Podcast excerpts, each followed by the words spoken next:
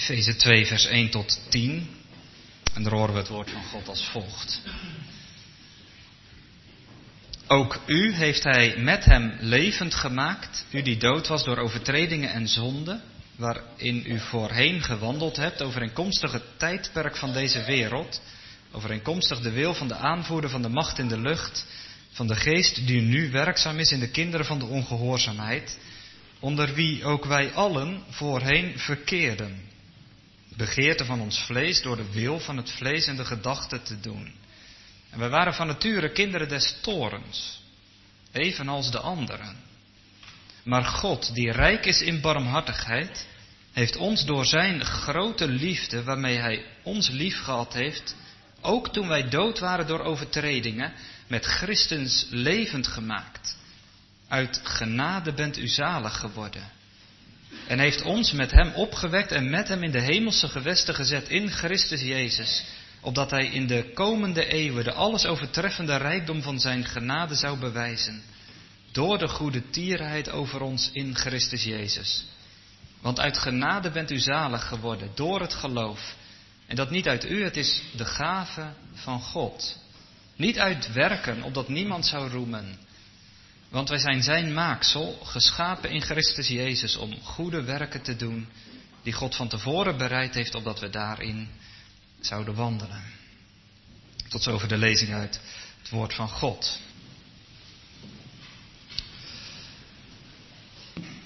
Gemeente, na de preek gaan we zingen uit Psalm 119, het 37ste vers. Uw hand heeft mij gemaakt en toebereid. Hij maakt mij ook verstandig in uw wetten. Psalm 119, vers 37 zingen we direct na de preek.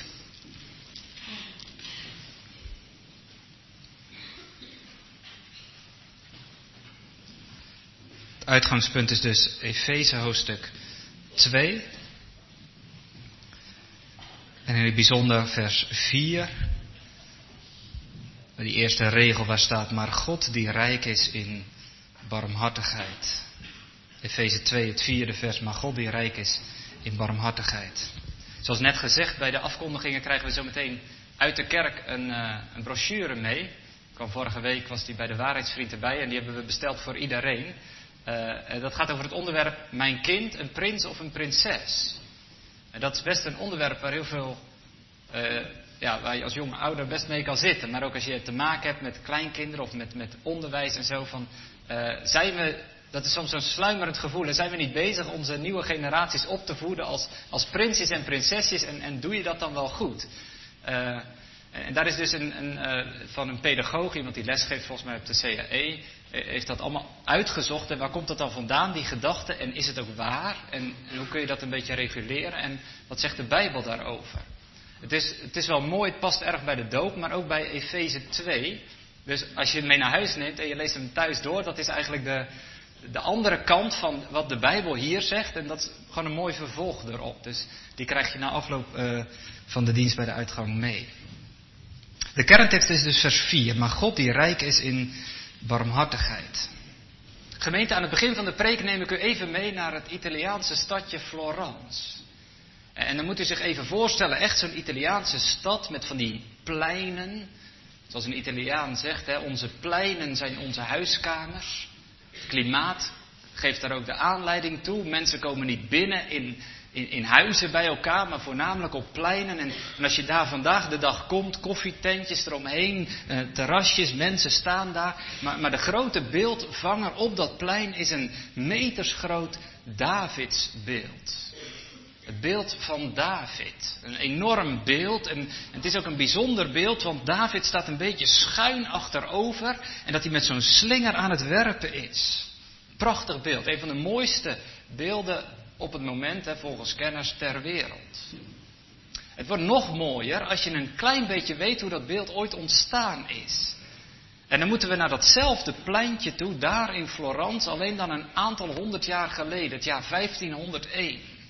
Langs de kathedraal van Florence staat een werkplaats waar die mensen bezig zijn om alles van die kerk te maken. En in die werkplaats staat een enorm blok marmer. Groot, breed, maar in het bijzonder zes meter hoog. Eén groot marmerblok. Het weegt duizenden kilo's en het staat daar maar en het staat daar maar. Waarom? Nu ze hebben de ene naar de andere kunstenaar gevraagd, wie kan hier wat van maken? En de ene kunstenaar kwam binnen en de andere kwam binnen en de een naar de ander zei en bekeek het beeld en zei, ja, nee, onbruikbaar, lukt me niet. En een tweede kwam binnen en die bekeek dat beeld, dat, dat, dat marmer aan alle kanten en zei, nee, nee, ongeschikt. En waarom? Nu, er loopt door dat marmer een enorme barst van de ene naar de andere kant zo schuin naar beneden. Een onmogelijk stuk marmer. En dan komt op een dag de beroemde Michelangelo binnen. En een paar weken geleden heb ik wel eens verteld hè, van Michelangelo dat het niet alleen een schilder was, maar dat hij ook beelden maakte. Dat hij uit zo'n blok een beeld kan maken. Nou, Michelangelo die ziet dit enorme blok, duizenden kilo zware marmer staan, zes meter hoog. En hij bekijkt dat en, en, en waar al die kunstenaars zeggen onmogelijk blok, hij zegt nou, ik, ik wil er wel wat mee gaan doen. En juist die, die onmogelijkheid daagt hem uit om er toch iets van te maken. En, en hij weet er zo omheen te houden en, en te doen dat een beetje schuin naar achter en, en zo naar. En, en zo een tijdje later, 1504, staat daar een van de mooiste beelden ooit gemaakt. En tot op de dag van vandaag is het een van de beroemdste beeldhouwwerken ter wereld. Een van de beroemdste kunstwerken. Op dat pleintje daar in Florence. Nu gemeente, dat is wat Efeze 2 zegt. Precies dat wat daar toen gebeurde. Dat God van onmogelijk materiaal iets moois wil maken. Dat God van onmogelijk, haast onbruikbaar materiaal toch iets geweldig moois wil maken. Dat is wat Efeze hier wil zeggen. Dat is wat de doop wil zeggen. En dat is in de kern de boodschap van de kerk. God wil van onbruikbaar materiaal iets heel moois maken. En als je dat in één woord moet vangen, dan zeg ik vanmorgen dat is genade. En dan zeg je misschien, ja, dat is echt zo'n kerkwoord. Wat is nou genade? Nou, vooruit in twee woorden dan. Genade, dat is Gods maar. Ja, maar alleen dan uitgesproken door God. Genade, dat is Gods maar. Dat, dat God zegt, ja, maar. Kijk, ja, maar, dat, dat, dat is een woord wat wij gebruiken.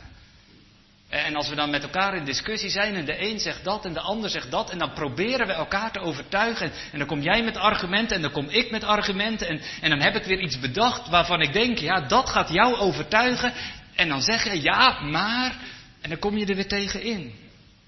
Of dat is zo'n woord wat je tegen je ouders gebruikt als ze zeggen, ja, hoe komt het nou dat je cijfers naar beneden gaan? En dan komen er allemaal argumenten en dan ga jij daar tegenin. Ja, maar. Of het kan ook zo zijn dat je iemand om je heen ziet, een vriend of een kind. En je ziet die op wegen gaan. Nou ja, laat ik maar even zo zeggen, die ongezond voor hem zijn. Dat die zijn leven op een verkeerde manier aan het inrichten gaat. En je ziet dat als goede vriend of als ouders of, of als, als bekende eromheen. En je ziet dat gebeuren en je voelt, ik, wil daar wat mee doen. Hij maakt keuzes die niet goed zijn voor hem. En je gaat dus naar hem toe. En je gaat dus met iemand praten. Waarom doe je dat? En, en waarom doe je, kies je nou hiervoor? En waarom, waarom ga je nou op het moment zo'n weg? En, en dan ga je met elkaar daarover. En dan komt er een heel verhaal. En, en dan hoor je dat helemaal aan. En dan jij daartegen in, ja, maar. Nu, ik denk dat we dit Gods ja maar zo moeten zien. Iemand die loopt op bepaalde wegen, maar dan komt God daartegen in en zegt vanmorgen ja, maar. Ik hoorde ooit eens een consultant, nou ja, die kunnen het weten, die zei ja maar is eigenlijk nee. Als iemand ja maar zegt, is dat op een fatsoenlijke manier, maar het is eigenlijk hetzelfde als, als nee. Iemand die zegt ja, ik hoor wat je zegt, ja, ik zie wat je doet, maar. En dan gaat er toch tegen in. Ik plaats er een alternatief tegenover. God ziet wat je doet. God hoort waar je mee bezig bent. Ja, maar. Maar God, zegt vers 4. Maar God. En, en als je die, ja, die, die rijkdom van die woorden wilt proeven, dan zou je eigenlijk al die dingen van je leven gewoon eens zo in gedachten op een rij moeten zetten. En dan echt al die dingen gewoon, gewoon op een rij zetten. Alle, alle strubbelingen, alle onrust, alle vrolijkheid, alle dankbaarheid, alle frustraties, alle woede, al het ongeloof of juist al het geloof, alle boosheid, alle pijn, alle teleurstellingen, alle gezondheid, het diepe verdriet, van, al die dingen in je gezin, in je eigen hart, op je werk, met je collega's, in vriendengroepen waar soms dingen zo stroef kunnen gaan, met de kerk, met kerkmensen, met, met, met school, met je stageplaats, al die dingen en al, zet dat eens allemaal op een rij en dan krijg je al die emoties en dingen en, en, en, en, die zonde en die gebrokenheid en die brokstukken en, en die blijdschap en, en dan zet je al die dingen op een rij en dan zet je een punt, maar God. Tegenover dat alles van mij in, maar God. God, ja maar. Hij zegt, ik zie waar je mee bezig bent en ik hoor wat je doet. Maar, maar God die rijk is in barmhartigheid. Omdat hij zich dan niet neerlegt bij die keuzes van ons die zo ongezond kunnen zijn omdat hij zich niet neerlegt bij die verwoestende beslissingen die we soms zelf nemen zonder dat we het doorhebben. En, en hoe muurvast en hoe onbewegelijk we soms ook lijken. Hoe onbruikbaar en onmogelijk materiaal we soms ook zijn. God zegt maar. Hij wil er toch iets moois van maken. Ja, ik zeg onbruikbaar materiaal. Hoe onmogelijk zijn we dan? Nou, kijk eens mee, vers 1. U die dood was door overtredingen en zonden. U die wandelde, zegt vers 2, overeenkomstig het tijdperk van deze wereld. Overeenkomstig de wil van de aanvoerder van de macht in de lucht. Van de geest die nu werkzaam is in de kinderen van ongehoorzaamheid die wandelen naar de begeerte van je vlees, die de wil van het vlees van je eigen gedachten doen, die van nature kinderen des torens zijn. Hoe onbruikbaar zijn we nou zo? Van nature kinderen des torens, dood door zonde en overtredingen, wandelend overeenkomstig het tijdperk van deze wereld en de overste van deze wereld, de aanvoerder van de macht in de lucht, Wandelend naar onze eigen wil en onze eigen begeerte. Dood. En dat zegt Paulus in een hoofdstuk waar het bol staat van genade. Waarin hij probeert uit te leggen wat het geweldige is van het, van het evangelie, namelijk dat het genade is. En dat vertelt hij nadat we vorige week gezien hebben, dat hij de zegeningen die in de hemelse gewesten liggen in Christus, dat die in alle rijkdom openbaar komen. Dat de verkiezing daar is door de Vader, dat de verlossing daar is door de Zoon, dat daar de verzegeling is door de Heilige Geest. En, en dat tien keer lang in Christus, daar ligt je identiteit. In die hemelse gewesten waar Christus zit aan, aan de rechterhand van de Vader. En dan in hoofdstuk 2 wil hij daar, daar als het ware nog op doorgaan. En dan zegt hij, en, en nou wil ik gaan uitleggen wat genade is. Over Gods grote barmhartigheid, over Gods grondeloze liefde, over, over zijn eindeloze bewogenheid. En dan begint hij zo. En eerlijk is eerlijk, heel vaak heb je dan ook een stukje weerstand. Als je dat soort woorden en, en zinnen in de Bijbel leest, of als dat soort zinnen in een preek langskomen of in het formulier langskomen, en zelfs hè, als je dat allemaal gewoon onderschrijft en je zegt, tuurlijk, dat is ook wel zo en dat is allemaal wel bijbels, maar, maar, maar Paulus, moet je dat nu echt telkens weer noemen? En moet dat nou elke doopdienst dan ook weer terugkomen? Paulus die bezig is in hoofdstuk 1, 2 en 3 eigenlijk de leer op een rij te zetten en, en in hoofdstuk 4, 5, 6 het leven, de praktijk van het geloof. Die eerste hoofdstukken meer de theorie en, en, en het vervolg meer de praktijk. En dan komt Paulus en, en dan gaat hij dat gaat hij toch weer zo insteken. En vanmorgen zeg ik het ook maar gewoon zo. Misschien heb je het al honderd en één keer zo gehoord. En, en weet je dat allemaal al lang. En, en toch, toch mogen, mogen we het weer horen. Toch moeten we het vanmorgen weer horen. Waarom? Nou gemeente, heel eenvoudig. Omdat het zo is. Oh, alstublieft, laat de gemeente een plaats zijn. Waar we hier in alle eerlijkheid voor uitkomen. Mag er alstublieft één plaats zijn in deze wereld. Waarin we het niet mooier gaan zitten voordoen dan het is. Waar we de schone schijn niet ophouden. Waar we niet hoeven komen met al die mooie pracht en praal van ons leven. Waarin we open komen te liggen. Tot voor God. En het is heel eerlijk zeggen. Ik ben des doods schuldig. Doemwaardig voor Gods heilige troon. Omdat ik mijn eigen wijze, doodlopende wegen kies. Op wegen zonder God. Dood door zonde en misdaden. Kinderen des torens, wandelend overeenkomstig de macht van deze, van, de, van deze eeuw. Zo onbruikbaar en onmogelijk is het materiaal. Zo onbruikbaar en onmogelijk is het materiaal waarmee God aan de slag gaat. En dan vers 4. Maar God.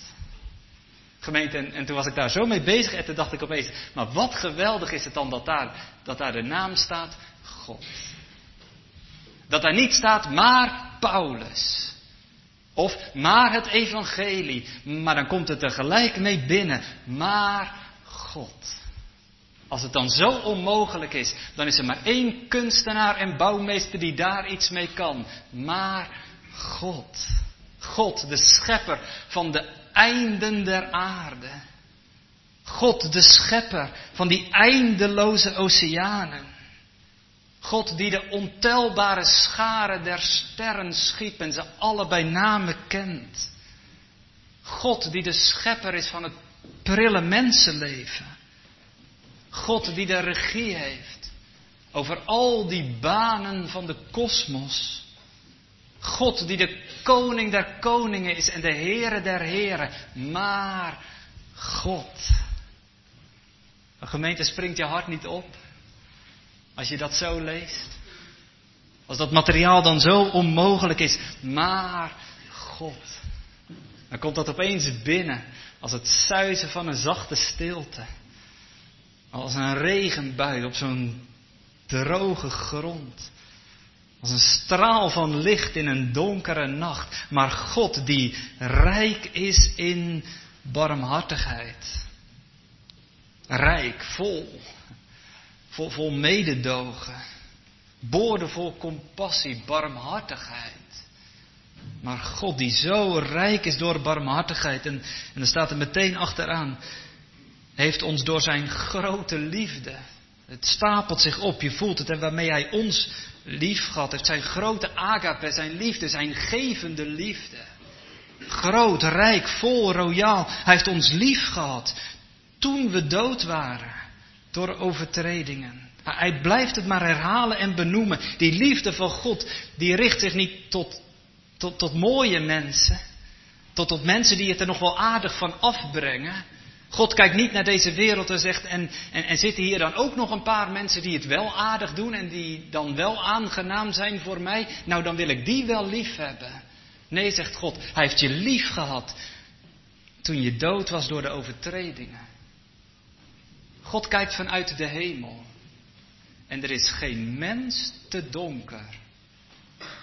Of hij wil het lief hebben. Deze mensen, dit onmogelijke materiaal, hij zegt, daar wil ik mijn liefde aan betonen. Dood, dat is in de Bijbel eh, eigenlijk synoniem voor leven zonder God. Hè? Die zoon die bij zijn vader wegloopt in die gelijkenis van de verloren zoon en die dan weer thuis komt, dan zegt zijn vader, deze mijn zoon was dood, maar is weer levend geworden. Die zoon was natuurlijk niet dood, die was gewoon aan het feest vieren en op een gegeven moment bij die varkens liep hij rond en hij leefde op zich. Maar zijn vader zegt, maar hij was dood en, en nu leeft hij weer echt. Zoals die elektrische auto op zich, hij rijdt nog prima, maar, maar, maar als, als er geen, geen, contact meer is met het leven, zelf, de bron van het leven, de Heer, dan, dan is het dood. Geestelijk, lichamelijk, dat een mens moet sterven. En als God het niet verhoedt, de eeuwige dood. Die dood waren door onze overtredingen. En dan staat er in vers 5, en we zijn met Christus levend gemaakt. En vers 6 gaat er nog achteraan, en met hem opgewekt en met hem in de hemelse gewesten gezet in Christus Jezus. Nou zeiden we afgelopen bij de doopzitting, zeiden we als, als een kind gedoopt wordt, dan laat het eigenlijk zien, hè, dat is die weg die de Heer Jezus gegaan is. Dat, dat de Heer Jezus ondergedompeld is in het water van het oordeel, het donkere water van de schuld, Golgotha, en hij moet sterven, wordt in het graf gelegd. Maar de Heer Jezus staat aan de andere kant weer op. En dan staat hij op uit de dood en dan vaart hij op naar de hemel. En elke doop, als het water over ons heen gaat, wijst heen naar wij mensen moeten met Hem worden begraven en met Hem opstaan. En dat is wat Paulus hier zegt. Met Hem opgewekt uit de dood, levend gemaakt en met Hem gezet in de hemelse gewesten. Die route die de Heer Jezus heeft afgelegd. Als mensen zijn de voetstappen zetten in zijn spoor, gaan ze ook met hem, met hem begraven. Alle zonde en schuld achtergelaten en met hem opstaan in een nieuw leven. Maar God, rijk in barmhartigheid. En dat is dan genade. Tussendoor, dat zijn van die tussenzinnetjes bij Paulus. Dan is hij dat allemaal aan het uitleggen. Dan zet hij er elke keer tussendoor. Dat is genade. Dan gaat het weer verder. Dit, met, uh, zo zit het bij ons, zo zit het bij de Heer Jezus. Dat is Gods gave. Uh, en dat is niet uit u, dat is van God. En, en, wij moeten niet roemen, maar dat komt bij Hem vandaan. Dus van die tussenzinnen, tussen zijn betoog door. En hij onderbreekt het elke keer en hij zegt: Oh ja, dat is ook genade. Oh ja, dat is ook Gods gave. Oh ja, dat is ook de genadegave van God. Gods genade. Vers 8: Uit genade bent u zalig geworden door het geloof, dat is niet uit u, het is een gave van God. Zalig worden, we hebben vorige keer iets gezegd over de verkiezing. Zalig worden kunnen we nooit op ons eigen rekening schrijven. Maar zalig worden is een geschenk, een genadegave van God. Hij deelt het uit. En dat is tegenover deze achtergrond niet zo gek. Want als mensen dood zijn door zonde en misdaden, ja, wat, wat, kunnen dode mensen doen aan hun eigen leven? Dat er moet een ander zijn die ze opwekt ten leven. En dat is precies wat hier staat. U bent met Christus medelevend gemaakt. God laat je opwekken uit de dood. Hij doet je opnieuw geboren worden. De gelovige mag zeggen, ik ben met Christus gestorven en ik leef met Christus. En mijn leven is geborgen in Christus bij God, in de hemelse gewesten. Het is een genadegave van God. Hij gaf het mij. Nee, dat betekent niet achteroverleunen. Dat hebben we het vorige week gehoord. Want doden zullen horen de stem van de levende God. Ezekiel moest naar dat dal van dorre doodsbeenderen en hij moest gaan spreken tot dat dal. Zo gaat de verkondiging en, en het roept ons aan, vol barmhartigheid, zijn grote liefde aan ons laten zien in de Heer Jezus. En staat er dan dat wij daarin zouden wandelen. Vers 10 zegt wij moeten wandelen, want wij zijn zijn maaksel. Geschapen in Christus Jezus om goede werken te doen die God van tevoren bereid heeft, opdat wij daarin zouden wandelen. En dat wandelen staat daar natuurlijk tegenover dat wandelen van vers 2. Je hebt een wandelen in de wegen van God en een wandelen, zegt vers 2, overeenkomstig het tijdperk van deze wereld. toen las ik een Engelse, een Anglikaanse voorganger over dit gedeelte. Hij zegt, nu gaat Paulus dus recht tegen onze, soort onze eigen neigingen, onze uitingen, onze eigen gevoelens in. Hij zegt, wij moeten niet wandelen overeenkomstig, dus naar dat wat uh, het tijdperk van deze wereld vindt. Maar ook niet, vers 3, naar de begeerte en de wil van mijn eigen vlees en van mijn eigen verlangens.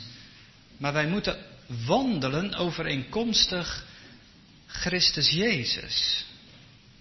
Kijk, en, en daarmee staan we dus als kerk wel haaks op de wereld om ons heen, om het maar zo te zeggen. Want als je de, de geest van de tijd daarin proeft, ja, dan zeggen we ja, ik, ik moet mijn eigen verlangens en mijn eigen ambities ontplooien. En anders word ik niet gelukkig. Als ik niet mezelf kan ontwikkelen, als ik niet mijn eigen verlangens en mijn eigen aandacht kan volgen, ja, dat, dat is nodig om gelukkig te worden. Ik moet dat kunnen uiten en ik moet dat kunnen leven. En dan zegt Paulus, jawel, maar die eigen verlangens en die eigen wil en die, en die dingen, die, dat is niet altijd neutraal en dat is niet altijd gezond voor je. Sterker nog, onze verlangens, onze seksuele aanleg, onze ambities, als dat niet ergens begrensd wordt, kan dat zelfs heel ongezond voor ons worden. En wil de Bijbel daarin richtlijnen geven om die gezondheid te bewaren. Je kunt niet zomaar mateloos leven vanuit je eigen hart en je eigen denken en je eigen wil en je eigen begeerte. Want dan ga je verloren. En, en Paulus gaat nog een laag dieper. Hij zegt: Het is niet alleen van jezelf. Het is zelfs niet alleen de tijdgeest, dus dat wat de mensen om ons heen op het moment vinden. Maar er zit nog een kracht achter vers 2. De aanvoerder van de macht in de lucht. Het wordt nog eens gecoördineerd ook. De samenleving is op zich niet neutraal. Er zitten krachten, er zitten machten in om, om als het ware die geest van die tijd te promoten. Dat, dat je je moet uiten zoals je je voelt en, en dan pas ben je gelukkig. En dan zegt Paulus, dat is dat vroeger. Eertijds, vroeger, toen wandelde u zo. Maar God, nu u met Christus bent opgewekt, ja, nou is het anders. In Christus Jezus. En dan komen daar opeens compleet andere karaktereigenschappen naar boven. Gaat het over zelfopoffering? Zelfverloochening? Zien we in Christus iemand die de minste wilde zijn? Die een dienstknechtgestalte aannam? Zien we de grote God in de hemel die in een kribbe wilde worden gelegd? Die genageld werd aan een kruishout? Mede met Hem. Met Hem opgewekt, met Hem, in Christus, goede werken met Hem. Dus, dus een christen wandelt niet naar wat de tijdgeest om ons heen roept, wandelt niet naar wat zijn eigen verlangens en dingen als eerste roepen, maar een christen wandelt in de voetsporen van God. Vers 10 zegt, want wij zijn zijn maaksel. Hij is de pottenbakker. Hij is de kunstenaar. Wij zijn zijn maaksel geschapen in Christus Jezus om, om goede werken te doen. In het Grieks staat het, staat er zelfs, zijn maaksel zijn wij. Alle nadruk allereerst, hij is degene die ons in zijn hemels atelier heeft ontworpen en bedacht. En, en hij is als de kunstenaar bezig. zoals klei in de hand van de pottenbakker. Zo ben ik in de hand van mijn Heer. Zoals klei in de hand van de pottenbakker. Zo maakt Hij een vat tot zijn eer. En dan zingen ze, kneed mij, Heere God. U weet precies hoe ik zijn moet. Kneed mij, Heere God.